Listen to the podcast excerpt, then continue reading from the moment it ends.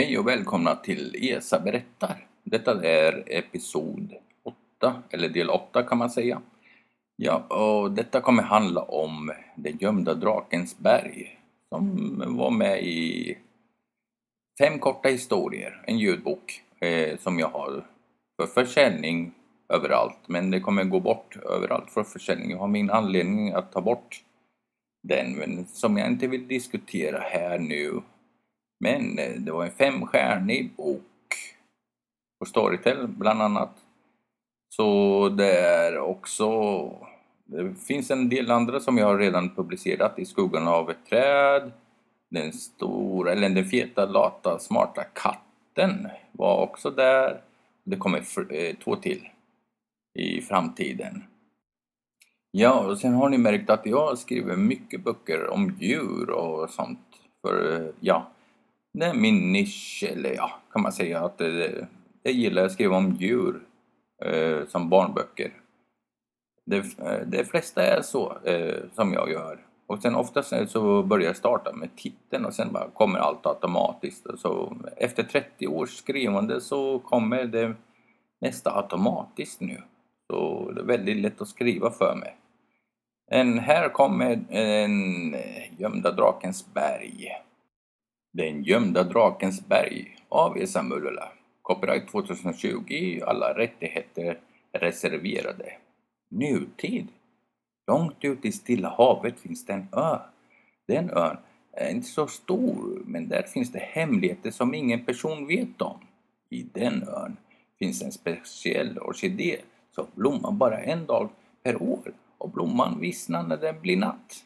Orkidén är så vacker och har så fina färger. Den är lite unik för den har inte speciell färg. För när solen skiner på den ändrar den till alla färger som finns på denna jord. I den ön finns det humlor, getingar, spindlar, myror och en massa andra insekter som vill ha den speciella orkidés nektar. Den är så speciell att när man dricker den så eh, förvandlar den automatiskt till bästa honung i denna värld. Långt upp i det högsta toppet på ett berg väntar drakarna på att fästa på den gyllene honungen. De bor i en håla som går långt in i berget och det kommer bara ut en gång per år. Och det är dagen eh, som orkidén blommar. Dessa drakar har aldrig hittats av en levande person och det finns en anledning för detta. Drakarna finns bara på denna öde ö och de är små som getingar och humlor.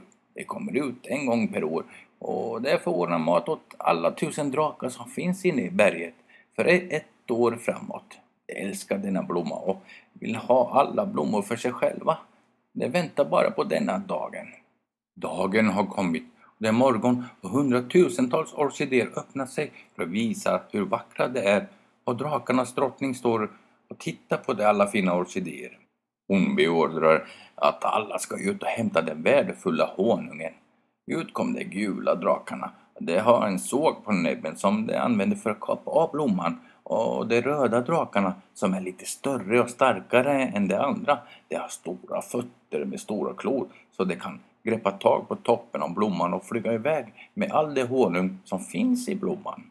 Och så inte minst de svarta soldatdrakarna med röda ögon, kluvna tungor med lång svans. Och det kan spruta eld.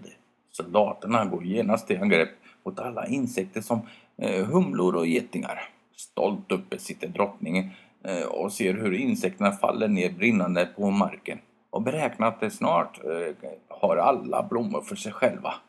Plötsligt ser hon med sina stora ögon en kolibri som går från blomma till blomma snabbt och tömmer hundratals blommor på nolltid. Mon beordrar alla soldaterna att attackera kolibrin.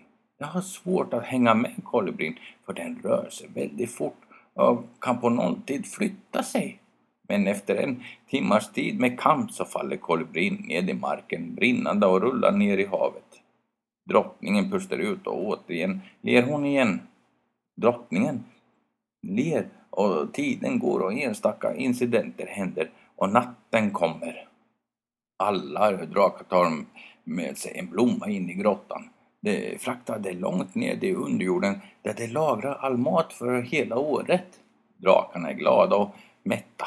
Drottningen är glad för inte en enda drake dog detta år. De äter sig fulla, och går och sover. Dagarna går och de väntar på nästa år. Långt ute i havet närmar sig ett oljefartyg och det är stora vindar, stora vattenböljor och den stora båten närmar sig Drakens ö. Precis hundra meter utanför ön så kraschar oljefartyget i en rev och all olja från båten läcker ut, ut mot ön. Ovetande om denna katastrof fortsätter drakarna äta sig mätta och bryr sig inte om vad som hände där ute. De väntar på nästa års skörd. Dagarna går och dagen till den dagen orkidéerna ska blomma skall komma. Drottningen tar sig i nacken och går ut för att se på blommorna men hon ser inte en enda blomma, inte ens gräs. Allt är svart av äggig olja. Hon skriker ut och får panik. Ut kommer alla andra drakar och ser hur svart hela ön är och tror inte detta är sant. Drottningen lugnar ner sig snart eh, och vet att hon inte kan visa sådana känslor för de andra. Hon går in igen och närmar sig sin håla och vandrar fram och tillbaka. Efter en timmes tid får hon en idé och beordrar alla att de måste följa henne för att hitta en ny ö. De tar med sig all honung de har och flyger iväg norrut. De flyger i timmar och de börjar bli trötta. Några fåglar kommer och tar några släntare. Drottningen ser sig om och beordrar att alla måste flyga så snabbt de kan. Till slut så ser drottningen ö lite längre bort och alla andra drakar blir glada. Soldatdrakarna tar täten och inspekterar ön och kommer tillbaka till drottningen. Det är säkert att landa på ön och de ser en bergstopp där de landar. Soldaterna flyger runt om i ön men de kan inte finna någon orkidé alls på den ön. Det finns andra blommor som violer, tulpaner och mer. Även finns äppelträd, päronträd och en massa andra fruktträd. Alla drakar går i attack och bränner alla getingar, humlor och myror. De börjar arbeta med att såga av blommorna och de har funnit en håla som de tar blommorna till. De sprutar eld på blommorna så nektarn blir som bränt socker. Dagarna går och drottningen ser hur blommorna inte vissnar och ser hur getingarna dricker ur dem och nya blommor dyker upp hela tiden. Drottningen ser sig om och kommer fram till att de inte kan ta blommorna men de kan äta ur dem direkt. Samma som eh, med fruktträdet. De kan äta nektaren från blommorna. Men plötsligt ser hon något som hon inte sett på tusen år. Sockerrör på baksidan av berget. Massor av dem. Hon skriker ut av glädje och visar vad sockerrör är. De kapar av en sockerrör och tar eh, den ned. Drottningen öppnar upp den i mitten och sprutar eld på den och de andra drakarna känner hur bränt socker sprider sig över området och drottningen är den första som smakar på den och ler. De andra mumsar i sig brända sockret fort och de är så mätta. De finner en ny grotta för skydd som är mycket bättre än den andra. Men drottningen säger till alla drakarna här måste vi arbeta för mat varje dag, men vi kan leva på denna ö. Tiden går och det eh, ser saker som man inte har sett förut. Frukt på träden som äpplen och päron, det äter de med. Eh, men nu är det vänner med alla insekter och en fredfull drakeklan. Ja, då är denna sagan slut. Men eh, det är väl coola drakar, eller? Ja, som gillar honung och socker.